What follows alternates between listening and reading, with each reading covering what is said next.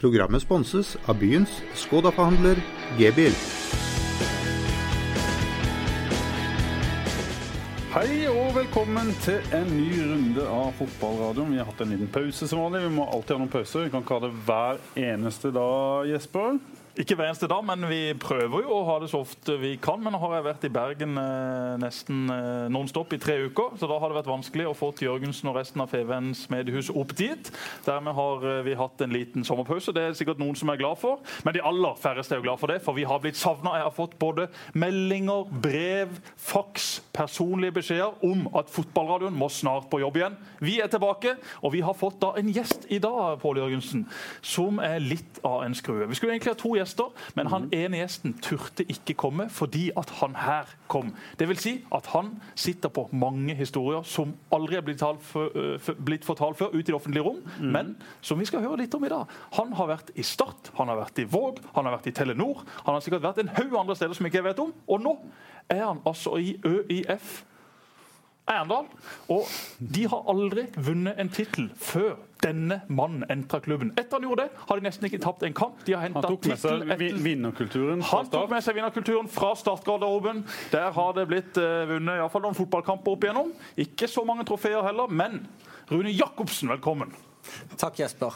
Jo, jeg forstår godt at dere har hatt pause her. for Det er jo sånn, sånn med deg i fotballradioen som det er på fotballbanen. Det er ikke så ofte du er til stede, men når du er til stede, så er du jæklig bra. Det er godt å høre. Jakob. Hyggelig sagt, da. Ja, det var veldig hyggelig. Ja, var veldig... jeg har ikke spilt så mange kamper, men jeg har spilt noen gode, iallfall. Ja, mange gode. Mange gode ja. Ja. Men Strømstad tørte ikke komme. Hvorfor tror du det? Altså, I går kveld snakka jeg med han, og så sa han er du klar i morgen. Ja da, jeg kommer. Så ringer han meg da, når jeg sendte ut melding om at det var Jacobsen og Strømstad som skulle komme i studio, så sa han bare eh, jeg har ikke ordna barnevakt. Nei, og det er midt på dagen, så det er jo litt spesielt. Men jeg vet ikke om det kan ha noe å si at jeg har uh, trent Fredrik egentlig fra han var 13. Uh, eh, også når han var 14, og til og med har han dumpa borti meg som spiller på Start 2. Da var det riktignok meg og Steinar Skeie i tospann. Så, så, nei, jeg har mye gode minner med Fredrik. Så vet jeg ikke om han hadde så veldig mye å frykte. Hvor god var han da han var 13? Fryktelig god, og enda mindre i forhold til de andre enn han var som voksen. Så Men skjønte allerede da at uh, her har vi med en fremtidig toppfotballspiller å gjøre? Ja, Fredrik var fantastisk. Jeg husker vi hadde vi hadde ei turnering nede i Brande som Start alltid pleide å dra på, hvor det kom både danske, norske og alltid noen veldig gode tyske lag. og Da kom vi til finalen, det var vel i 95. og da da var Fredrik kaptein og skulle hilse på kapteinen der, og han eh, var akkurat dobbelt så høy som Fredrik. Eh, og Han lo stygt av Fredrik, og Fredrik var sikkert språkmektig da òg, så han forsto at han også sa noe stygt om han til, til lagkameratene. Så da spilte vi fire minutter. Så kjørte Fredrik én tunnel, han tok igjen på den andre sida og én til på han, og så, så, var det gjort. Så han bemerka seg på banen og ikke i sin fysiske størrelse allerede i ung alder. Rune, Arendal eh, ØIF. En suksesshistorie uten sidestykke i, i Aust-Agder-idretten. Hvordan har det vært å være med på det? Jo, veldig spennende. Det er jo, det er jo hyggelig det Jesper sier innledningsvis, men det er jo ikke det er, jo mest som Ja, det, det er helt ja, sant. Ikke én tittel før du kom. Etter du kom, har henta det ene etter det andre. Men det, er, ikke, fakta. Det er jo ikke vi som skal ha æren for det, eh, selv om jeg har jo skal absolutt ha æren for at jeg ikke har klart å ødelegge noe. To seriemesterskap og ett cupgull på tre år? På to år. På, to på de to år. siste sesongene. Ja.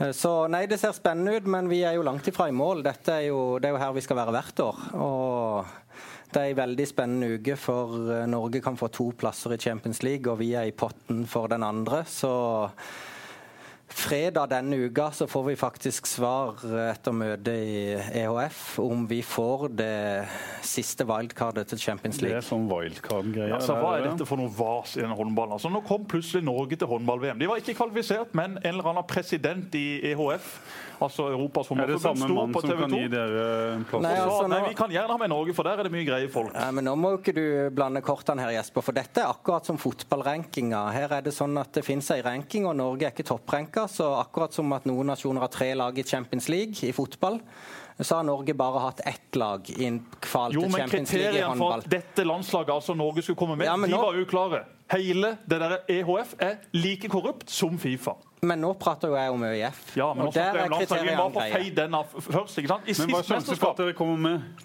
Nei, vi vurderer de som over 50 Eh, og Så får vi jo ei kvalikhelg, da, og så blir det spennende å se hvordan den går. Men eh, denne sjansen må vi, må vi ta. Vi tror vi får han igjen mange ganger, men eh, det har aldri skjedd før at et lag fra Aust-Agder har spilt Champions League, og ikke et lag fra Agder heller. Så her må vi bare satse alt vi kan på å få dette til. Er det sånn hymne og Champions League-hymnen? Da er det hymne og Champions League-gulv og ledd og alle de andre kravene de stiller, men det har vi kontroll på. Men det er jo veldig gøy. Og eh, jeg har vært på et par ØIF Arendal-kamper. Blant annet var jo Mons Ivar han var jo assistenten til Marinko Kurtovic her for en to-tre år siden på benken. Hvor eh, han tok helt av gårde og begynte å klage på den ene dommeravgjørelsen etter den andre. Men han kunne jo ingenting om håndball. Men han var bare så engasjert som han pleier å være. Det var fantastisk stemning. Over 2000 mennesker i hallen. Rett og slett eh, stor idrett. Så det å være på ØIF-kamp, det anbefales på det sterkeste. Hvis man skulle klare å få tak i en billett. Det er ikke alltid så lett. Du, dette programmet det skal handle selvfølgelig litt om EM. eh, Jo, men bare først dette her med EOF. Altså, fordi at Norge kom jo til håndball-VM nå. De var egentlig ikke kvalifisert, men de ble tatt inn på et eller annet wildcard som premissene for å få er veldig uklare for. Sist VM så var det Tyskland som ikke var kvalifisert. Da bare kasta de ut to nasjoner. Så EHF stinker like mye som Fifa. Videre. Nå er det fotball. Videre. Nå er det eh, fotball. Vi må snakke litt om, eh, om eh, Start. Dere har en jobber i Start, ansatt i Start. En har, har gjort det, og nå skjer det ting. En har fått litt eh, penger. Hva betyr dette for, for Start, eh, Jesper? Det betyr at det er mulig å hente inn noen forsterkninger. Det har vært ikke veldig mange poeng som har blitt uh, plukka. Det er jo ikke noe til å legge skjul på det. Alle kan lese den tabellen. Har ikke vunnet en kamp nå på ett år hvis man ikke slår Haugesund den 2. juli i første bortekamp. Så det er klart at dette gir jo et sånn fornya giv og fornya tro. Eh, Spesielt blant supportere og sponsorer og, og alt dette. De som er inne i garderoben, de har stor tro på at uh, man skal snu dette sjøl, selv, selvfølgelig. Sånn er mekanismene. Men det er ikke noe tvil om at uh, noen penger uh, fra Klubb 21, som er igjen et veldig viktig og, og godt bidrag Hvis det blir brukt korrekt, så kan jo det være avgjørende for at Start faktisk begynner å klatre på tabellen og spiller tippeliga også i 2017. Jeg vet jo at ingen av dere kommer til å nevne navn. Jeg kan spørre om det litt eh, etterpå, eh, men da skal jeg heller ta og nevne noen navn sjøl. Men eh, dere kan si noe om hva en kan få for en million kroner. Begge dere to kjenner dette markedet godt. Jeg ser noen skriver at en får ingenting for en million kroner. Her er det snakk om to spillere en halv sesong. Rune, hva, hva er mulig å få til med et sånn et beløp? Hvis, vi sier, hvis jeg sier en million, så Nei, det, det er mulig å få til mye, eh, men her er det jo sånn at eh, det, i et sånn et sommervindu så er det ikke det er mange spillere du ikke trenger å kjøpe og betale overgangssum for. Eh, Men du må Hvis en velger å betale overgangssum for noen, så forsvinner vel noe av kvaliteten. For kvalitet måles vel også i, i lønn? Ja, det gjør det, men her er det jo sånn at dette, dette er et marked, og du kan få mye, mye bra spillere gratis. Men du må både være dyktig, du må være tydelig på hva du skal ha. Eh, Og så kan det hende at du også da, hvis disse skal levere eksempelvis to spillere for den summen, så må du kanskje også være litt heldig hvis du skal få 100% ut av begge. Men uh, Men kan, en, kan en prioritere og kanskje bruke eh, 600 000 i lønn på en og 400 000 i, i lønn på en annen, etter at en gjør eh, sånne ting, at en eh, differensierer litt? Selvfølgelig kan en det. Og hvis en skal sette et lite sånn bilde på det, så, så husker jo alle Husker jo alle åssen effekt Markus Heiken hadde den sommeren han kom. Hvor mye kosta han eh, på et eh, sånn halvår? Nei, Han hadde passa godt inn forbi dette, og vi kunne Ja. hatt en til. Ja. Så, så det er jo et bilde på liksom det når du treffer 100 Mm. eh, og en hadde sånn effekt, så, så hadde han eh, vært godt inn forbi dette budsjettet. Er det sånn at Hvis du låner en spiller, Jesper, så finnes det jo eh, ulike modeller. Hvis en kan gå den veien, så er det jo noen klubber som betaler gladelig noe av lønna for at en spiller kan spille i Start. Og så går det vel kanskje også å legge på noe lønn, sånn at en, eh, en kan lokke bedre spillere. Hvordan, hvordan fungerer dette? Ja, det finnes jo spillere i eh, forskjellige klubber som f.eks. er under lange kontrakter, men som ikke får tillit og som ikke får vist seg fram. Da kan jo den klubben som eier spilleren ha ha eh, god nytte av at den spilleren får spille fotball, og kan da være villig til å betale hele eller deler av lønna. Er det lov å legge på også der? For, uh, la oss si Slatko Tripis, uh, som jeg har foreslått i dag, at, han, uh, at Furt sier at Eh, ja, han kan være en halv sesong i start. Vi betaler lønna. Kan dere legge på noe i tillegg da for å lokke Tripis, f.eks.? Nei, det, det, det dette er ganske holdt jeg på å si, Det er jo litt komplekst, men det er også ganske enkelt. Eh, den spilleren som kommer, må ha en profesjonell med kraft, med eh, kontrakt med Start, som gir han spilletillatelse i Start. Altså en minimumslønn. Så kan han beholde deler eller hele lønna si i den klubben han kommer fra. Og i tillegg få lønn fra Start? Og i tillegg få den lønna han får som ei, ei, minimumslønn på en profesjonell kontrakt i Start. Mm. Hva slags type Rune generelt ville vil du eh, gått for? Nei, nå er det jo litt eh, Det kommer litt an på om Steinar ønsker å spille på samme måte som han, som han gjør i dag. Men, men, vi har jo sett et savn etter en skade på topp hvor vi, hvor vi har trengt uh, i hvert fall en trussel inn bak. Uh, mm. Kanskje også en som kan gjøre noe på egen hånd. Uh, så jeg ville jo primært fokusert på, på, offensive spillere i den situasjonen de er nå, og det antar jeg at ja. Start også gjør. Det er vel ingen hemmelighet heller. Både Even og Steine har vel sagt at det er en kikker etter. Jesper, er du involvert nå i den prosessen?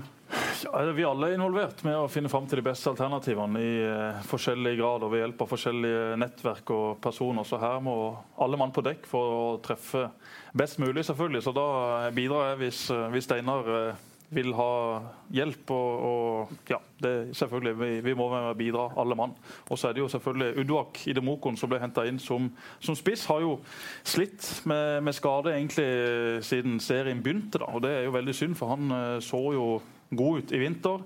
Så lovende ut i de første kampene med sin fart og sin kraft og skapte mye furore. Så det er jo synd at han har blitt skada. Da er det jo naturlig at eh, selvfølgelig så er det jo eh, så lenge han går skada, så var det, jo, det var en grunn til at han ble henta. Så det er klart at det, det er jo offensivt primært eh, det, det, som er prioritet. Så får vi, får vi se hva hva Steinar og, og Dalseth har å komme opp med av, av hatten. Men eh, det viktigste er jo igjen, som jeg sa altså før sesongen, det å få det maksimale ut av de som er der fra før. Mm. Det har eh, vært eh, en utfordring i år. Det er mange i, i garderoben der som, som, vet veldig godt selv også at ikke de har vært på nivå, og som jobber knallhardt nå i, i juli, juni for å virkelig komme opp igjen på, den, på det nivået de må være. Og det, det, er jo det viktigste. Glem alt som kan komme inn. Det, det er liksom krydderet, det er prikken over i-en. Og du skal inn og bidra nå for å hjelpe gutta litt i Danmark? Ja, nå skal vi, til, vi skal til Danmark. og Øyvind Evjen, vår oppmann, han kan jo ikke være med. Så det vil si at noen må steppe inn. Og Evjen gjør en så god og stor jobb at vi er faktisk to personer som går inn for å ta denne jobben. Det er Roy Emanuelsen og Jesper Mathisen. Vi har fått låne en bil av Even Myrstad opp på Gumpen, så vi skal altså dure nedover Danmark rett bak bussen. Kanskje innom en uh, tur på Bilka for å handle noe grillmat. Det er vi Roy veldig glad i. Og så skal vi da ned og serve gutta og ha det gøy. Jeg gleder meg til en uh, tur til Danmark med mine gode lagkamerater, som akkurat nå faktisk står og uh, ruster opp garderoben. Det vil vi helt sikkert se noen bilder av etter hvert. Men uh, når jeg gikk fra stadion, så sto det ti startspillere i garderoben og malte. Fordi at Steinar har gitt beskjed om at vi må brøsje opp garderoben. Og det ble ufattelig kult. Øyvind Evjen har jo også tatt ansvar her. Og han har gjort så mye i sitt liv at jeg vet ikke om du visste det, men han har faktisk drevet malerfirma i fire-fem år. Så han har altså malt en, en tren, den første du kom inn til garderoben. Nå er den gul og svart, mens før var den helt hvit. Så det blir veldig kult. Vi får helt sikkert se bilder av det om ikke veldig lenge. Får håpe at det hjelper på eh, moralen i, i laget. da, for ja, men altså, det er sånn som Steinar, Steinar er strukturert, både på og utenfor banen. Det skal være orden i sysakene. Nå blir det bygd noen bokser til å bevare sko og utstyr, så ikke alt bare skal ligge og flyte. Så dette er jo selvfølgelig ikke det som avgjør om Start spiller i 2017 eller ikke, men det er en liten detalj som viser at Steinar er opptatt av sånne ting. Og for alle som har sett eh, bare ta det først, Rune, alle som har sett dokumentaren om Alex Førgesen, har jo eh, skjønt at eh, det kan være viktig å være tenke på de små tinga. The devil's in the details, er det ikke det Førgesen sier? Ja, men det er jo det når en er på toppnivå. Det er jo Start, selv om ikke det har blitt mye, mye poeng av det til nå. Så er det mange små detaljer gjør en stor forskjell. Og så, så, sier jo Jesper, som er helt riktig, at jo, det er de som er der som må gjøre jobben. Mm. Og vi må få ut det beste av de. Det er jo sant. Eh, men så er det sånn at med en, eh, med en spiller inn eh, Når Heikkinen kom inn, som liksom er den der drømmehistorien, som, som mm. kanskje var mer enn en kunne forvente, så, så var det allikevel de samme spillerne som hadde tapt mye fram til da som plutselig begynte å vinne. Mm. Med en ny spiller inn i gruppa. Mm. En som åpna opp noen andre rom, en som spredde trygghet. Eh, et nytt ansikt der, kanskje en ny leder.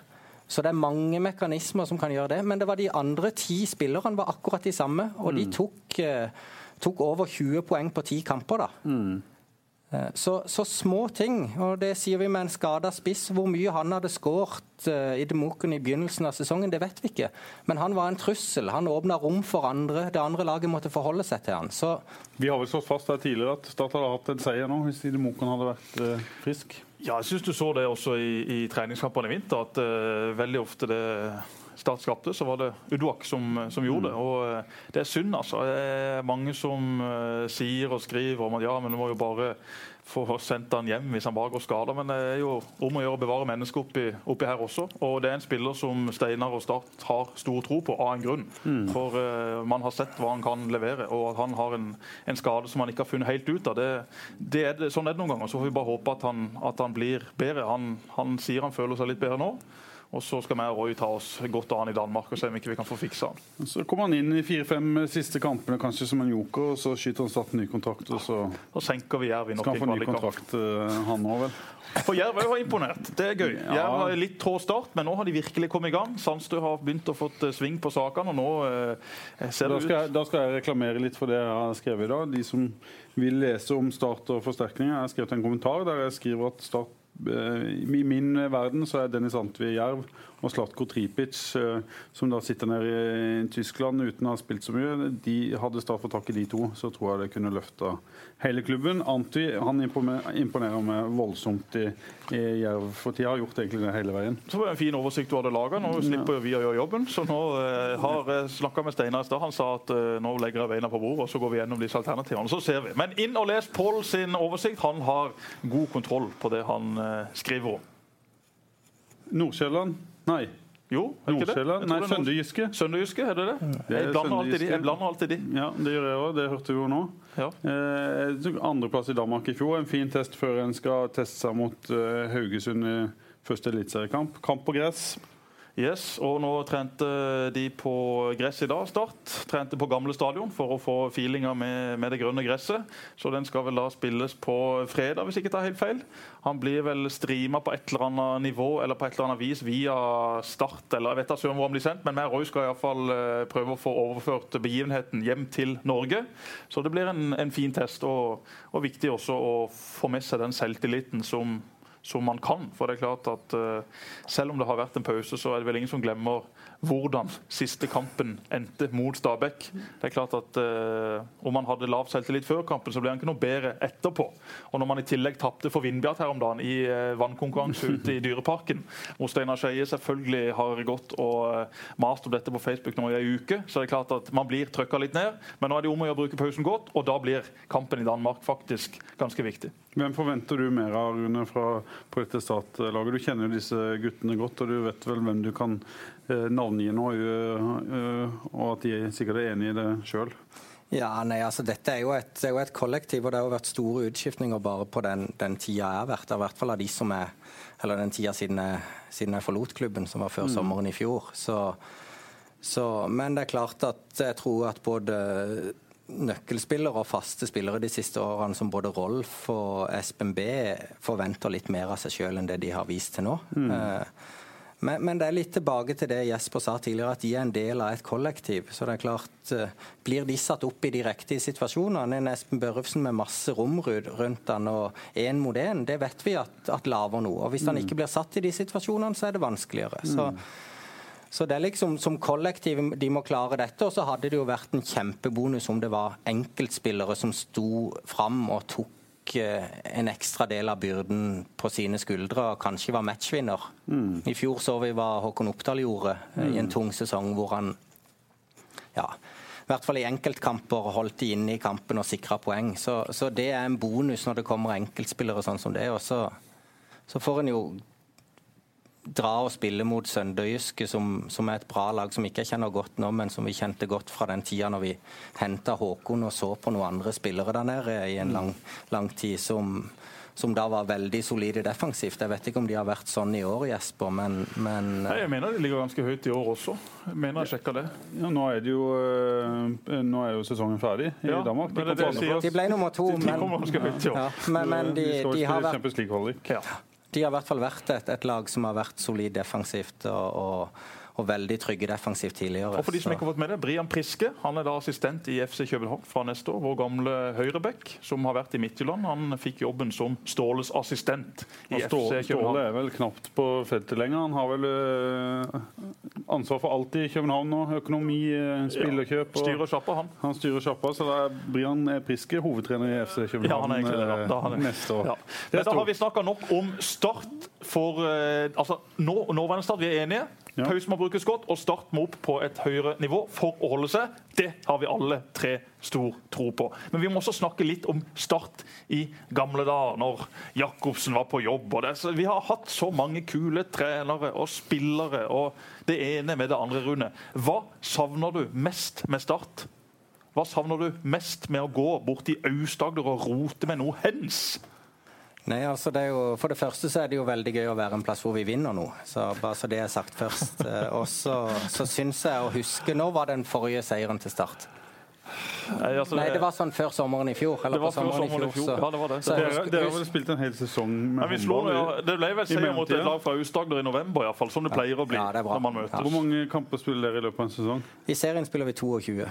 Ja, og med cup og ja, Det er jo ikke noe cup, sluttspill. da. Europacup. Dere spilte vel 30 kamper i år. vi år? spilte ca. 30, ja. Ja. Og dere har altså spilt 30 kamper uten at Start har vunnet en eneste en? Det er jo faktisk, for å ikke være flåsete, så er jo Jeg skulle til å si at det, eh, det har hang sammen når jeg slutta og når de vant forrige kamp, for det gikk mye bedre før den tida, men det er flåsete sagt. Nei, nei, det er Jeg følger Start hver dag, og det Og han sier enda vi. Bare legg merke til det. Han Rune har er sagt det fortsatt flere en del av ganger allerede. Start-familien. Yes. Ja, så, nei, men det viser bare henne hjertet er, og det kommer det alltid til å være. Så er det, eh, er det selvfølgelig ting fra den tida som er morsomme og artige, og som en savner. Eh, det er jo det er jo gøy å se at her er vi og Jesper makkere her i dag, så vi utfyller hverandre godt. Han, jeg var en dårlig fotballspiller som aldri var skada, og han er en god fotballspiller som alltid er skada. Så det er sånn vi utfyller hverandre. Og sånn var det jo var det jo faktisk med meg og Svein som var ei sånn ei fantastisk tid. Vi var,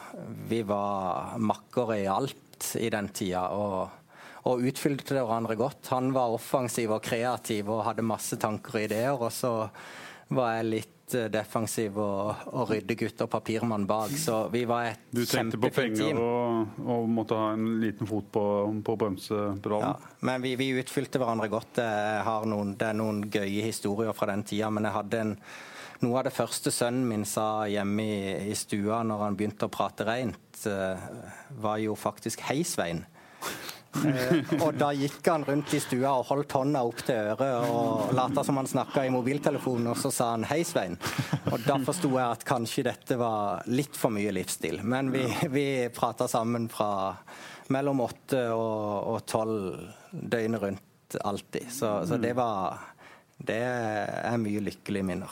Men det, eh, det er jo blitt litt annerledes. Det er jo sikkert blitt annerledes i start òg, bare fra tida du begynte. Eller i, i hvert fall i tida fra når en flytta inn på, på Sør Arena og det kokte og det var penger og det var, var spillere, til å være fullstendig sparebluss og, og nedskjæringer og folk som du sikkert var glad i og som var kollegaer der, som forsvant ut. Hvordan har kontrastene vært i den perioden du, du var der? Nei, jeg var jo i, i styret den tida hvor alt gikk til himmels. Eh, så jeg har på en måte vært eh, Da en trodde alt gikk til himmels? Nei, det gikk jo også litt til himmels. Inntektene steg, publikumstallene steg, nye stadioner ble bygd. Norsk fotball gikk bare én vei. Tippeligaen var kjempeattraktiv. Så jo, eh, alt, alt steg. Så, så steg kanskje kostnadene enda fortere enn inntektene, men, men det var en stor utvikling av ligaen. Det var et kjempeprodukt. Alle snakka om det. Hele Sørlandet kokte i 2005, så jo, det gikk til himmels. Eh, Så, så var det kanskje noen som var litt for harde på gassen, men, men det gikk til himmels da. Og så, etter en del år der, så begynte jo jeg å, å jobbe først i første 2008. Så jeg pleier å si at jeg gikk ut i pluss én. Mm. Jeg begynte i Adeccoligaen og gikk ut i Tippeligaen. Men egentlig siden 2008 og midt i 2008, eh, fra den tida, så har det jo egentlig vært kutt i Start hvert år. Mm. Eh, så, så, den kuttprosessen har vært lang. Eh, først kanskje med at en tok bort mye av de virksomhetene en hadde. Slutta med butikk, slutta med kurs og konferanse. Og så til at en begynte å kutte til beinet på alle funksjoner. Så, mm. så, det er klart det har eh, Det har vært tungt for alle. Men så er det sånn at hvis du jobber med idrett, sport, noe du er så glad i, så jo, det er fag, men du er også forberedt på at her må du ofre mye. Altså, mm. Dette er ikke noe åtte til fire og noe du teller timer på. Så du må ha en, du må ha en kjenne en lyst selv i motgangen til å holde på med det. Hvis ikke er det ikke noe jobb for det. Du må jo reflektere, og har reflektert sikkert mange ganger hvorfor Start på en måte ikke får det helt ut og ikke får det helt til. Nå er du i en eh, mye mindre organisasjon selvfølgelig i ØIF som har suksess. Har du noe sånn Det finnes selvfølgelig ikke fasitsvar, men har du noen tanker om om hva som skal til for å, for å etablere seg i toppen? Er det noen ting du har lært i UEF som, som eh, du savna i tida i Start f.eks.? Ikke så mye jeg savna, men det er jo fint med, med, idrett. Du får jo alltid som fortjent. Altså Når Start uh, vinner en kamp eller ender høyt oppe på tabellen en sesong, så er det fordi de fortjener det. Så, og Samme er det med oss når vi vinner serien, så, for, så er det fordi vi har vært best i året. Har en trener, Dere har Marinko Kurtovic som får mye av æren for at, å ha løfta hele, hele laget. og og klubben. Du kan si hva du tenker om det etterpå. Og så har en jo historien om Tom Nordli som gjorde noe av det samme kanskje i 2005. Eh, hvor mye har en, en hovedtrener for et lag å si? Den har mye å si, men han kan ikke spille kampene. Og så skal, jo, skal, han jo passe inn i en organisasjon. Eh, det, jo, det, er jo på en måte samspillet i hele klubben som avgjør dette. Så, så at at samspillet mellom trener, ledelse, spillere, støtteapparatet rundt, det er jo det som gir kraft over tid. Men det er klart, på noen områder så, så kan en trener, i hvert fall på, i et gitt tidsrom, gjøre store endringer. Eh, og så har vi jo sett at Noen ganger er det veldig heldig, og noen ganger mindre heldig. Men en trener har stor påvirkning. Mm. Så har vel UF truffet to ganger på rad nå, først med Leif Gautestad, som eh, jo kanskje ble noen slitasje og sånne ting, men gjorde en kjempejobb og, og løfta klubben før Marinko kom og, og, tok over. Ja, Leif skal jo ha holdt på å si stående applaus. Han mm. har tatt klubben dit han var og tilrettelagt for alt og løfta klubben i mange år. og så så, så, var det slutten da, da, rett før min tid, etter veldig mange år. Eh, og Så kom det inn en ny trener med litt andre impulser, men mye av de samme spillerne som Leif hadde trent. Pluss litt annen spillestil, og så inn med et par brikker. Litt likt det, nå, ringer det, litt likt det Start sier. Nå ringer det fra Skottland. Vi må bare, vi må bare ta, ta, den og høre hvordan det, hvordan det, går med han der borte. Må huske å holde telefonen ute. Han har jo nå reist bort og eh, akkurat ferdig med dagens eh, økt. Han, uh, første økta i ja, Celtic? Nei, ikke første, for han hadde vel ei økt i, i, går også, denne her uh, gutten som har uh, ikke tenkt å ta telefonen når han sier vi skal ringe. Hallo? Der har vi han. Kristoffer Ayer, hei, hei. Velkommen til dagens episode av Fotballradioen. Jo, takk, takk, takk. Hvordan, hvordan, går det der borte? Har du møtt Bredden Rogers? Ja, jeg har møtt, møtt alle. Så nå er jeg ferdig med en ny, ny økt, så det var morsomt, det. Men Du sa i går at du ble litt starstruck når du møtte han? Ja, Det er klart ikke at Liverpool-trener har vært eh, gud i Liverpool, og så kommer han inn i rommet. Da blir jeg selvfølgelig litt starstruck. det er sant. Men hvem vil han sammenligne med? Vil han sammenligne det med Suárez eller med Gerard? Eller hva slags spiller ser han i deg i, i framtida? Nei, jeg har blitt uh, brukt litt mer som uh... I'm Sandra, and I'm just the professional your small business was looking for. But you didn't hire me because you didn't use LinkedIn jobs. LinkedIn has professionals you can't find anywhere else, including those who aren't actively looking for a new job but might be open to the perfect role, like me. In a given month, over 70% of LinkedIn users don't visit other leading job sites. So if you're not looking on LinkedIn, you'll miss out on great candidates like Sandra. Start hiring professionals like a professional. Post your free job on linkedin.com/people today. Den tida her, så jeg blir nok litt mer, eh, litt mer midtstopper, og det, det, er spennende. Jeg har fått uh, trent litt sammen med han Erik Zjetsjenko, som er en bra spiller, så det, det er morsomt, det. Så du, du sier at du har liksom blitt drilla som stopper det der? Det, det Etter én etter Etter dag i Celtic så er han blitt midtstopper. Ja, men er det, Vil du si at, du, at, at de ser ut som de skal satse på det som midtstopper? Ja, jeg skal, vi skal ha noen treningskamper hvor jeg skal spille begge deler og sånn, men eh, det, det ut som jeg, har jo alltid visst at jeg kommer til å bli midtstopper etter hvert, så det at eh, jeg må jo begynne å lære det etter hvert. Du må det, men har du, har du et forbilde som midtstopper? Forbildet mitt som midtstopper eh, det, det har jo vært noen bra i start. da.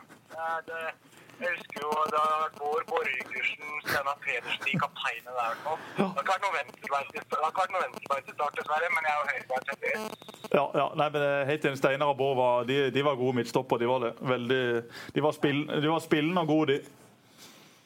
Det var det. Men, men leil- har du flytta inn i leiligheten, og du har jo med deg mor og far. Altså, Hvem har fått det største rommet, og hvem har fått barnerommene? Nå, nå skal du høre. Det største rommet fikk jeg. Det er tre, rom. Det største rommet fikk jeg.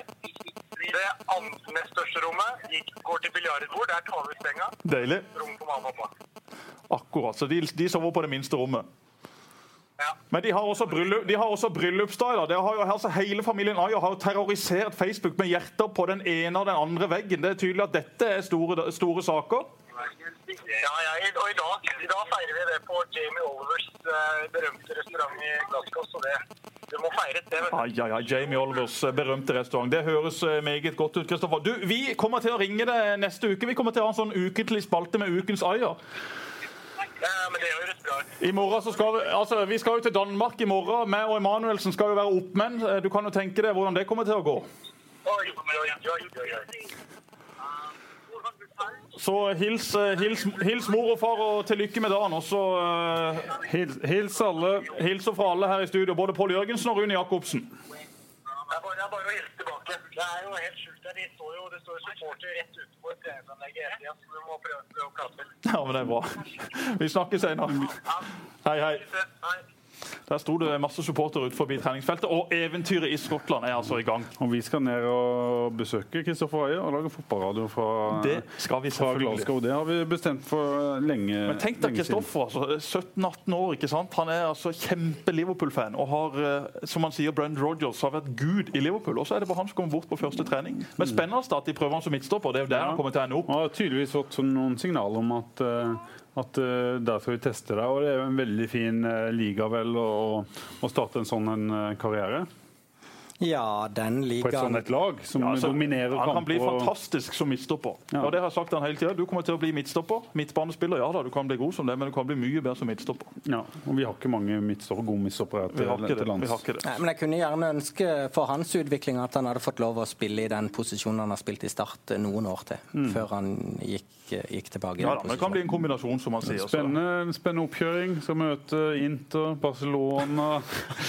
Det er jo eh, sykt, da. Det, ja, det er helt sykt, og det er utrolig gøy. og Det er jo bare å, å glede seg til å følge med. Han har eh, sendte meg bilde i går at han hadde fått seg en bil. Eh, klubben hadde god avtale med et bilselskap. Det så ut som han var fra Vennesla med den bilen. Den var kålsvart både på felger og på vinduer og bilen generelt. Fin bil, altså. Hvilken bil det? var det, for de som er interessert i Ja, for, ja, altså det Ikke, ikke det at det er med. jeg jeg kan ikke noen biler, men at det var en sånn en eh, Range Rover eller et eller annet, var veldig kul. Veldig kul bil. Ja, så gratulerer med den, Kristoffer. Mye finere enn den røde bilen du kjørte rundt i i Kristiansand. For den skreik jo 'her kommer jeg'. Programmet blir sponset av byens Skoda-forhandler G-bil. Men det var jo. Vi må tilbake til Jacobsen. Jacobsen, Jacobsen, vi var innom Heiken som en god signering. Hva vil du si er din, altså den beste signeringa du har vært involvert i? Hva er det du er mest fornøyd med, sånn sett i ettertid? Og hvem var den beste som røyk? Gode spørsmål fra Espen Mathisen. Nei, altså Beste som røyk det kan være beskrivende på, på en situasjon hvis vi skal ta noe i nyere tid. Så Ja, er det må vi. utrolig mange navn som har vært oppe. og, Ja, men en del gøye navn. name-drop. Men vi kan ta en fra nyere tid som beskriver situasjonen med å ha lite penger, og som nå har suksess i EM. Uh, og jeg tror også Feven skrev om det i den tida, for vi hadde førsteretten, og vi hadde han på bo bordet. Hadde hatt Robert Hauge på Island uh, flere ganger, og Jon Dadi Bødvarsson skulle jo til start. Mm. Eh, og var helt klar, og vi var enige om alt, men klubben var litt for fattig. Som eh, Noen hundre tusen det var snakk om i, i lønn? Småpenger, Eller- ja. Det var småpenger. Men, men, sånn er det, og klubben må drives økonomisk forsvarlig. Det, det, vet vi nå, det er ikke noe vei utenom. Men det beskriver litt av det problemet som har vært hjemvendende for Start. At Jon Dadi Bødvarsson var klar, og, og en kan jo se for seg han med sin kraft og trussel i dagens startlag. Eh, Så skal jeg kaste litt is på bålet, eller hva det heter.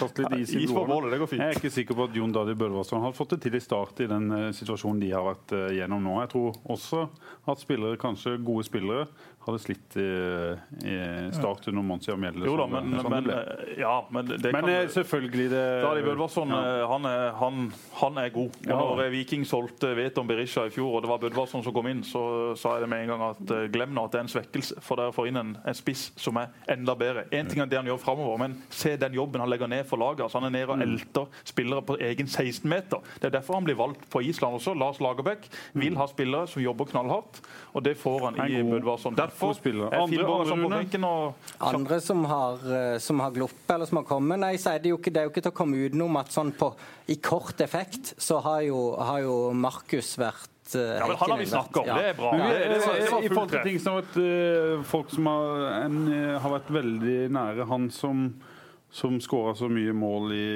um, en danske, som dere vel var fryktelig nære, var det for to år siden? Vi hadde jo en danske på vei her, som nå er i Norge. Og det eh, var det Wilsom? Mats Wilsom var, ja. var, enig med det Start hadde å tilby, men det var jo litt for lite penger. Eh, ja. også en hardtarbeidende spiss. Han er vel som, tilbake i Danmark nå? Som, som, han er tilbake i Danmark, så, ja. Så må en se for det. Han skårte mye mål for et, et, lag som var en overraskelse og mm. gjorde mye på egen hånd. Men Spilte i Hobro? Hardt. Spilte i Hobro, ja, når de overraska veldig. Robert Hauge fikk han til slutt mm. i Brann, men har ikke slått til der oppe. Men uh, har gjort en god jobb for Brannlaget, veldig løpssterk og jobber knallhardt. Men det er jo ikke det som er det viktigste for en spiss. Så kan vi si vi kommer jo ikke av andre som som har Det er mange som har vært nære. og vi har hatt eh, spillere vi har nesten offentliggjort på bussen på La Manga som folk på vei inn eh, for noen år siden. Mm. Eh, og så, så, har vi jo noen gøye historier med at, eh, at enkelte spillere har vi vært enige med og gått for å skrive under, og så har plutselig det som var det som var bruttolønn, skulle plutselig være netto. Det må du ta. Så... Han har jo også vært i en tippeligaklubb i år. Han har det, i Molde. Ja. Dulee Johnson. Hva var greia med han? Nei, var... det, er lenge siden. Ja, han, tok, lenge... han tok Fedrelandsvennen bilde av plutselig av stadion. Ja. Stig Inge Bjørnrud var, var, trener, og han, han kom som stor stjerne fra AIK. Ja, det var gang nummer to. Ja. Eh, vi hadde egentlig Dooley klar, og jeg har eh, faktisk en kopi av kontrakten fremdeles, som mm. i dag hadde vært fantastisk, som den gangen var det Start kunne, kunne strekke seg til, og dro for å møte han eh, på en flyplass bare for å signere. Mm. Når vi kom der, så var det sånn at ja, vi var enige. Men der hvor det sto Gross, der skulle det bare stå Nett så kunne vi ta hverandre i hånda. Så da måtte vi bare snu med halen mellom beina. Og så skal det jo sies at han spilte kanskje kortene sine rett, for uh, rett etterpå det så ble han jo årets spiller i Sverige. Ja. Så har det vært mye annet rundt hans karriere, men at det var en klassespiller, det var det ingen tvil om. Kanskje han kommer nå for tredje gang? Skal vi prøve dere det, Jesper? Julie Johnson for tredje gang? Eller ja, kanskje, er det som altså, Mansia Mjelde sa, når han først uh, Simon Larsen hadde takka nei til start to ganger. Da var, det, da var det aldri snakk om å forsøke en tredje gang. Nei, det, og det er jo helt enig Men eh, kanskje du skulle gitt han en, eh, en, kontrakt hvor det sto nett, og så bare endra til gross? Ja. og så tatt eh, den takk for sist, og så sett om han hadde gått med på det. Nå er han vel kanskje klubbløs, han er ferdig i Molde, forsto jeg her for noen uker siden. Mm. Men det har jo vært mye gøye spillere. da. Det er jo mye gøy å være med på. Mye gøy info som Rune sitter på. Som mm. jeg sa før sending her, at uh, her har vi en mann med mange hemmeligheter i kofferten. Og du er også involvert, uh, satt vel i styret den gangen det kom brasilianere, der en brukte mye penger på, på mm. å hente, hente, folk? Ja, jeg satt i styret da når de to kom, så, så det, er jo, det, er jo, faktisk sånn hvis en skal reflektere litt over det, så kom det jo én klassespiller. Eh, vel å merke veldig dyr, men Ygor eh, var på utlån fra start og spilte finalen i Copa Libertadores for Fluminense. Mm. Det er en klassespiller. Mm. Eh, så skal det sies at han konkurrerte med Annan og noen andre i sin drømmeposisjon. Og De var vel fire stykker om den plassen da. Så, så om det var god spillerlogistikk Joey, Annan, Hardarson og Bjarte Lunde Åsheim. Ja, både Anthony og, og Ygor satt jo mye på benken. fordi Igor at- spilte høyrebekk. Ja. Og, og Ygor eh, hadde jo da også med seg sin kamerat Bruno, som uh, var en fantastisk figur. Altså. Han, vi hadde eh, svømmeintervaller på La Manga i bassenget, men han var jo ikke glad i å trene, så han sa at han ikke kunne svømme. Og seks-syv seks, syv måneder etterpå så var vi jo i Rio på treningsleir. Og der var den første som heiv seg ut i disse Vi hadde blitt advart på forhånd. Vær forsiktig, Det er masse bølger, masse undervannsstrømmer, så her må dere ikke gå uti. Første som føyk uti, jo da, det var Bruno Rato. La på svøm og surfa på noe brett der. og Han kunne svømme, han var bare litt slapp. Og han bodde jo rett nede i byen her. Han hadde altså enormt med smågodt i det skapet. altså Det tøyt ut av hvert eneste skap. Det Nesten det eneste han spiste, det var smågodt og sjokolade. og Derfor hadde han også ei av de største bakendene jeg noensinne har sett i en fotballgarderobe. Men at han kunne spille fotball, det kunne han. For han var, var teknisk, og sånt, men han hadde jo ikke fysikken han hadde ikke holdningene. Men Ygor, helt enig med Rune, det var en klassespiller som kanskje ikke passa helt inn i norsk fotball. Og Apropos Bruno, eh, vi skal til Rio nå i, i forbindelse med OL. Prøver å få tak i Bruno, så vi satser på en Bruno-reportasje Ah, i er må i løpet av de neste månedene. Vi har funnet han på Facebook. Ja, det har jeg òg. Han legger ut stadig bilder der, men han kan jo ikke eh, norsk, han kan jo ingenting engelsk, så lykke til med det. Men det har vel med dere en tolk? Ja, Vi skal sørge for at han, eh, at han får spørsmål på sitt eh, morsmål. Ja. Og så traff, var jo Myggen innom trening her i sist uke. Det var jo veldig gledelig. Jeg har ikke sett ham på lenge. Han er invitert til fotballradioen, han også. Så Det se han. om han Så Myggen dukker lovte å komme her en dag det passer, eller at vi faktisk tar turen bort til han i Risør. Han koste seg der. Og holdt faktisk nå på å male huset, så han hadde satt opp stillas. Og da var jo eh, selvfølgelig også Tusse på treninga, og Tusse tilbød han en håndverker med en gang. Så får vi se om eh, Erik maler det sjøl, eller om det blir gjort av noen andre. Men det var godt å se Erik. Fulgte med på alt av EM-kamper. Og følger veldig med på start. ikke Følger minst. veldig med på start og uh, skulle nå etter hvert kanskje begynne å ta litt trenerkurs. Og så får vi håpe at uh, Erik uh, kan jobbe i fotballen. For tenk det, for en spiller. For en karriere, for en kunnskap. Jeg håper at vi en dag kan eh, få brukt den i start, at det skal kunne passe. Det hadde vært kjempegledelig. Og når en prater om gøye signeringer, så må være det, det være noe av det gøyeste når, når Erik gjør comeback, og se hva som skjer da. Eh, Hvor sykt var ikke det? det, var, det var ville tilstander, og da ser en hva, hva en, en profil, en kjent spiller, kan gjøre med, med klubben og miljøet rundt. Det, var, det er noe av det gøyeste jeg har vært med på. Eh, Det vanskeligste mannen jeg noen gang intervjua, det var Erik eh, Mykland. Og det går mye på at jeg ble rett og slett litt sånn starstruck når han, når han kom. Han var så stort forbilde for meg når jeg vokste opp. Og den store stjerna både på, på Start og, og landslaget, at når han kom, så, så ble jeg rett og slett litt sånn perpleks. Ja. Jeg syns det var vanskelig å, å snakke med han. Jeg har lyst til å gi han en kos og si eh, takk for alle gode minnene. altså. Ja, men har jo noe med seg. Altså, Når Myggen sto på sidelinjen på den treninga, så sier Espen Hoff etterpå at steike, i dag kunne jeg merke på gutta at de ga litt ekstra. Og det er jo ikke så veldig mange av de spillerne som har sett Erik, men de har jo blitt fortalt hvem han var. ikke sant? Og de blir fortalt, se Der der står den norske Iniesta. Altså, Han var jo King Kong! Han styrte kampen mot Brasil i VM. For en legende, altså. Erik, du hører sikkert ikke på oss, men vi gleder oss til å få deg som gjest. Ja, og så er vi tilbake til detaljer. ikke sant? Alle husker når Mats skårte i Bergen eh, 16. mai-kampen. og så, så kan vi se i forkant der hva, hva er det som skjer. Jo, det er egentlig Erik som får et elendig kast til seg sjøl. Ja, han er smart og kjapp. Jo, han går bare ned på kne og header Hunter fri. Altså En bitte liten detalj som gjør at han kan slå det Og alle innlegget. husker jo brassesparket til Arm Khalili mot Sandnes Ulf. Men Ja. hvem altså slo han opp? Det var jo Erik Mykland som slo inn sin pasning på ti meter. nei, men et godt bilde på det. Selv om, han, selv om han aldri ble like god som han hadde vært, så var han like kjapp i hodet og forsto like mye fotball. Og, og når han skulle, skulle dra, så var det en av de andre spillerne som, som ble spurt ja, hva var det, hvordan var det å, å spille sammen med Erik. Og Jeg vet ikke om han reflekterte så mye over fotball ellers, men da sa han da uten å tenke over det. Jeg hadde alltid så god tid når jeg fikk ballen fra Erik. Og det sier egentlig sitt om, om han som fotballspiller. Ja, det sier alt. Og en fantastisk flott eh, person. Så eh, nei, Erik, vi savner det på banen. Og vi savner det også her i, i dette studio. Så eh, vi gleder oss til å snakke med han igjen. Men skal vi snakke litt om EM også? Ja, vi må snakke må litt om. EM. Jeg skal først skryte av meg sjøl, for vi hadde jo en sånn EM-spesial. Der Ja.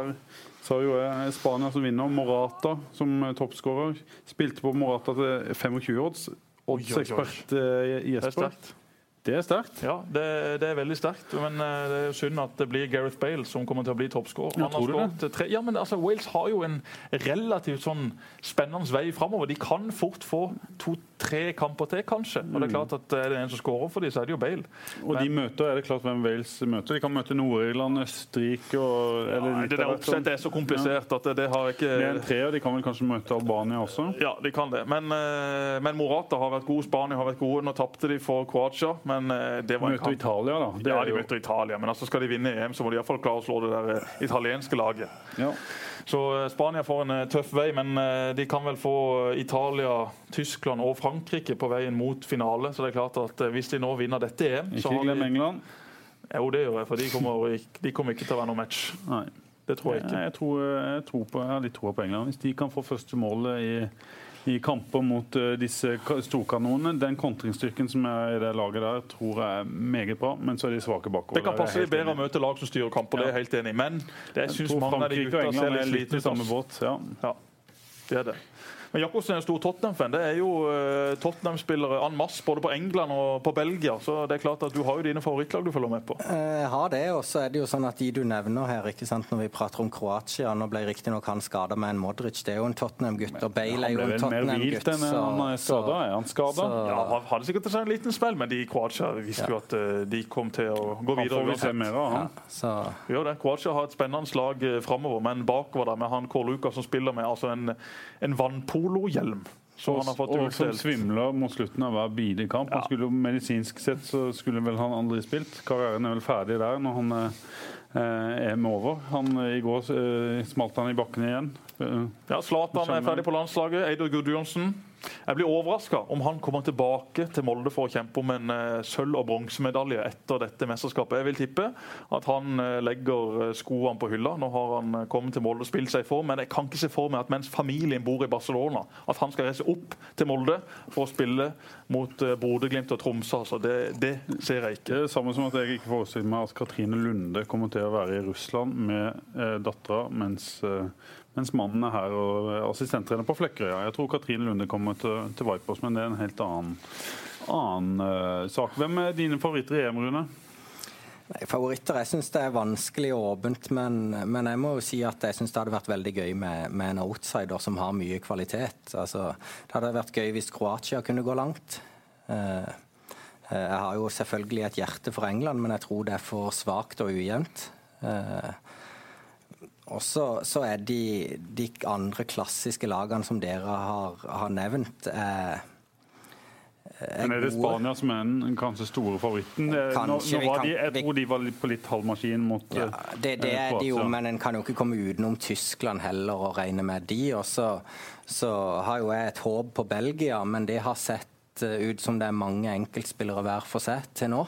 Eh, Men de har mye klassespillere. De gjorde en kjempekamp mot Irland, da. Ja da, de gjorde det, men det, det, jeg føler at det har skranta litt. Men det har det jo ofte gjort med lag i mesterskap som, som Men de er jo på en gang. eh, riktig eh, side. Nå forutsetter vi at dette blir jo spilt inn da før Belgia spiller sin siste gruppespillkamp, men alt, alt tyder på at, at Belgia skal være klart mye bedre enn Ungarn og, komme på den riktige sida, da. Den venstre sida der Det er også Polen som jeg har nevnt tidligere som en eh, Ja outsider. De har imponert meg. De har vel knapt sluppet til eh, målsjanser. 2-0 i målforskjell. og og har i tillegg eh, tyngde og en sentrallinje i det laget som er, er god. Ja, absolutt. Polen kan gå veldig langt, det, og det, det blir jo spennende. Men det er klart den ene sida der med Tyskland, Italia, Spania, England, Frankrike Det er jo på forhånd eh, nesten de fem største favorittene. Så det er klart det er bare å få komme seg på den andre sida, for da har man muligheter. Mm. Er det litt synd nå, Rune, for mesterskapet at, eh, Jeg sier at de- som, de jeg gode sier som lagene min skal ut kamerat hverandre? eh, Bucks pleier å si, her er det muligheter. Det kan Kroatia velge. altså. Ja, men så er det sånn altså, om det er synd Vi får veldig mange gøye kamper tidlig. Vi må ikke vente til semifinaler og finaler. Vi får toppkamper allerede tidlig, og det er jo veldig gøy. Mm. Og så ser en jo i mesterskapet nå at det er ikke eh, Vel er det forskjell på noen lag, og noen har imponert, men det er utrolig mye jevne, tette kamper. Men Eh, det jeg syns det har vært mye kjedelige kamper òg. Det vil jo sikkert ikke TV 2-eksperter Jo, jo, det har vært masse kjedelige kamper, spesielt på NRK. Det er klart at Dette formatet med at tre lag går videre, har Mm. sørga for at mange lag er forsiktige. De vet at tre poeng er sannsynligvis nok til å kunne gå videre. Mm. Dermed ligger de lavt og tar lite sjanser og satser på at ja, vi skal få et mål på en kontring eller en dødball. I mine øyne så har dette formatet feila totalt. Mye gøyere når det var to lag videre. Da, var det, altså da, da, da måtte lag satse mye mer. Nå går lag videre med én seier på tre kamper, eller tre uavgjortkamper, sannsynligvis. Og det er tynn suppe. Vi har lag som eh, Nord-Irland og Ungarn til åttedelsfinalen. De hadde jo ikke vært der hvis Ja, så setter de jo farge på mesterskapet til den nordirske fansen med disse sangene sine. Altså, det er jo uh, Will Griggs on fire. Det, det er jo fantastiske scener, syns jeg. da. Det er sikkert delte meninger om det. å ha så mange lag, men kanskje gjøre noe med formatet, Rune? Ja, det er jo mulig. Det hadde jo vært mulig å ha et, et like stort puljespill med, med færre lag videre. Og, og kanskje større puljer. Det, det er mange ting med formatet. Men så er det jo alltid det med fotball når vi, når vi prater om at vi skal endre så mye, og, og en må være for utvikling. Men, men hvor mye skal vi tulle med verdens mest populære idrett? Altså, sånn Nå har de jo allerede tulla litt med Ja, de EM. De litt tulla det denne gangen, og de kommer til å Så- tulle i gåsetegn neste gang òg, hvor EM skal gå i en haug med, med forskjellige byer. Så. Men det, det mesterskapet er, er jo veldig gøy. altså Vi sier kanskje ikke så mye spennende fotball, og så sitter vi klistra så fort vi kan. Og, og jeg syns jo at uh, i de tidlige fasene av kampene så er det jo ofte også veldig spennende å se på. Det er spill og motspill og mye taktikk og, og mye situasjoner som, som er tidlig i kampene, og, og det kan være spennende. Kanskje noen vil se mer mål og, og andre ting, men det er tross alt en del av spillet. Eh, Og det er en del spennende ting å følge med på. jeg har slitt med å la meg begeistre av EM. Jeg syns det er en kamp som har vært eh, gøy i år. Skikkelig gøy. Belgia-Italia. det Da koste jeg meg. Eh, Og Da var det temperatur og, og to gode lag. Bortsett fra det som syns jeg det har vært rett og slett dritkjedelig. Ja, ja, Men nå begynner det. Nå blir det bedre. Nå begynner sluttspillet, og nå begynner eh, alvoret. Dette vi har gledet oss til. Nå er alle de store kanonene videre i turneringa. Det er jo fordelen. Alle har eh, tatt nok poeng. Nå eh, gleder vi oss. Nå kan vi lene oss tilbake i sofaen. Vi er kvitt raske. Nå begynner alvoret. Polen, Sveits. Første kamp i Nå må Lewandowski komme i gang. altså. Han må komme i gang, og Det kommer han helt sikkert til å gjøre mot Sveits. Og så får de sendt eh, sveitserne hjem. Og så har vi Polen videre, som har et spennende lag. Det er jeg helt enig med deg, Pål. Ja. Nå, nå tror jeg vi rett og slett har snakka nok. Hvis ingen føler at det er noe mer de Ja, men må Jakobsen, har du ikke noen flere historier på arket ditt? Altså, er, det, er det tomt? Har du? Jo, nei, det er masse. Har vi Men vi har jo med? litt må passe på, det er jo litt personvern her òg, da. Men vi kan jo ta en, en spiller Ja, men som har du ikke noe om pappa? Han, eh, han ligger jo i pennalet, så det kan være hans pe- personer går jo på med. jo, men der har, jeg, der har jeg mye skryt, og jeg har litt om det òg. Men vi kan jo ta en, en, en sann historie om en spiller som, som var i Start for ikke så lenge siden, og i min tid som ansatt. Eh, Men skal du liksom ikke navngi spillere? Nei, men der kan hun legge to og to sammen her. Så ikke det blir, ikke det blir noe, noe søksmål. Men vi hadde da en spiller som eh, etter å ha levert det han var leid inn for, så nå har jeg jo sagt mye, så, så fant han ut han skulle ha en liten tur på byen. Eh, han kom fra en storklubb. Eh, og etter at han hadde hatt Og vet du hva han, Odens, Odens vet du hva han jobber for nå? Ja. TV-ekspert. Ja. Jeg så et bilde av en litt lubben Serjan Radonic på Facebook her om dagen. Han jobber nå som ekspert på et eller annet TV-kanal nede i Montenegro. eller hvor han er. Og det var han vi snakket om, ikke sant? Jeg kan selvfølgelig ikke kommentere Nei, nei, nei, det, men når, han, når, når denne personen kom ut fra Kik, da, så hadde han parkert på utsida. Eh, og vel valgte da å sette seg inn i bilen for å prøve å kjøre hjem, og ble vinka inn til sida. Jeg tror denne historien kanskje Han kom fra en Ja, klasse, klasseklubb, da, og da var han kanskje vant til at du var heva over loven, så han valgte da til politiet å rulle ned vinduet forsiktig og bare si 'I play for Start'. Og så rulle det opp igjen og prøve å kjøre videre. Men, det, men sånn gjør de det. Jeg var jo nede i Beograd og besøkte hun her eh, Mariana, som er denne mirakellegen som har denne kuren som kan, kurere strekkskader, hvor alle verdensstjernene har vært. Jeg var der nede. Det var Branko som hadde satt meg i kontakt med henne. hadde du- du hadde strekk, Jeg hadde strekk. Reiste ned til eh, Beograd. Betalte vel en 5000 kroner for flybillett tur-retur. Og så betalte jeg 500 euro kontant til Mariana i Beograd. Hun satt og røykte, snakka i en mobiltelefon mens hun behandla meg med noe eh, greier hun smørte på lårene. Og så hadde hun en sånn en Ja, sånn morkake ja, det er morkakebehandling, og så, så har du noen sånn strømgreier som liksom tok dette inn i huden. da. Og det er jo veldig mange som mener at dette ikke funker. Men det beste eksempelet da var han som var der rett før meg. Han spilte i Levski Sofia. De skulle spille cupfinale på en onsdag, og han kom her på lørdag. Han hadde fått seg en kjempestrekk to dager før. Han kunne ikke gå. Så kom han inn på benken. Han hadde seks timer med behandling. Og etter det så sa hun prøv nå å jogge litt i gangen. Og Jeg så han komme inn, og jeg så han når han begynte å jogge. Og han jogga. Fire timer til med behandling dagen etter. Da var jeg der også. Så sa hun nå kan du bare prøve å spurte bortover gangen. Så spurte han. Full spurt. Begynte å hoppe. Strekkskaden var borte. Fyren spilte 90 minutter og vant cupfinalen på onsdag. Ble selvfølgelig matchvinner. Dette var stjerna til Levski Sofia. Så presidenten fra Levski Sofia fløy ned med han til Beograd. Fikk fiksa strekkskaden, og han spilte kamp. Sønnen til Mariana hun har altså tester med alle spillerne hun har behandla i Beograd. I en park. Så han har hatt altså van Persie, Albert Riera eh, fra Liverpool i sin tid. De var på kasino, spilte bort en haug av euro, sa han. Men han hadde det dødsgøy. Så sønnen til Mariana han har altså vært og trent van Persie, Riera, en haug av Barca-spillere for strekkskader. Jeg ble også fiksa, selv om de norske legene ikke trodde det var sant. Men Hvilken strekkskade hadde du? da? Nei, jeg hadde en strekkskade i hamstringen. Eh, og Dette var et tett kampprogram. Jeg skulle vært ute i eh, noen måneder, men reiste ned dit på egen regning. og Betalte hun i noen eurosedler og kom hjem. og eh, spilte kamp kjappere enn det jeg egentlig skulle gjort. Men Jeg vet ikke helt hvordan vi kom inn på den historien. men vi var nede i Ja, det var jo det. Vi var i det, vi var i det landet. Ja. Den ene dagen var jeg iallfall ute og spiste da, med Branko og hans kamerater. Så var det en kompis av Branko som kjørte bilen. Og han hadde drukket noen halvliter på forhånd. Så jeg tenkte ja, men skal du kjøre? Ja, ja, det er sikkert sånn de gjør her nede. Så vi skulle ikke lange veien. Så kjører vi nedover veien, og så blir vi vinka inn av politiet. da, Blålys rett bak oss. Og så inntil sida tenkte jeg nei, nå er det fucked. vet du, Jeg er jo norsk, og nå blir jeg sikkert hevet inn i kasjotten eller et eller annet. De finner sikkert et eller annet i bilen, så er det jeg som får skylda. Men eh, da var det bare ut med jeg tror det var 20 euro han ga til politimannen. Og han, han dunsta alkohol. altså. 20 euro, så var det bare å kjøre videre til hotellet. Mm. Så det er litt sånn der nede. Det er det. Men eh, Sajan var en eh, fin fyr og eh, spilte jo der på topp. Skårte vel to mål i første kamp, gjorde han ikke det? Jo. Han var inne og gjorde jobben, skårte målene, og så var han nok fornøyd med det. Ja, han var bedre de første kampene rett etter han kom. Falma litt mot slutten, og det vet vi jo kanskje grunnen til. Det, det, kan godt være. Kanskje han var litt for mye på kick, i likhet med andre spillere opp igjennom eh, starthistorien. Men jeg tror vi setter strek der. Ja, skulle. Du hadde jo bedt om å avslutte med en siste historie også. Du, Nei, altså nå hadde jeg ikke noe mer. Nå, nå går, da går vi over streken, Jesper. Så okay, vi får okay, la, det, la, det, være med det. Vi får Akkurat. spille inn håndballradioen da. Skal vi får spille inn håndballradioen. Men ja, altså. gøy å ha Rune på besøk. Han kommer til å komme igjen. Og neste gang så lover vi at uh, vi får med Fredrik også. Vi har ikke en liten en på Fredrik før vi avslutter. Altså. Nei, vi må vente med Fredrik. Vi tar det live med han. Vi tar det live med han. Det er helt enig. Vi skal ikke snakke om folk som ikke er her. Og vi er tilbake igjen i neste uke. Da skal vi ha et liveshow, uh, Jesper. Vi spiller inn uh, live radio på Flekkerøya. Da må vi huske at det er små barn først og fremst vi henvender oss til. Selvfølgelig. Vi kjører på som vanlig, vi. Ja.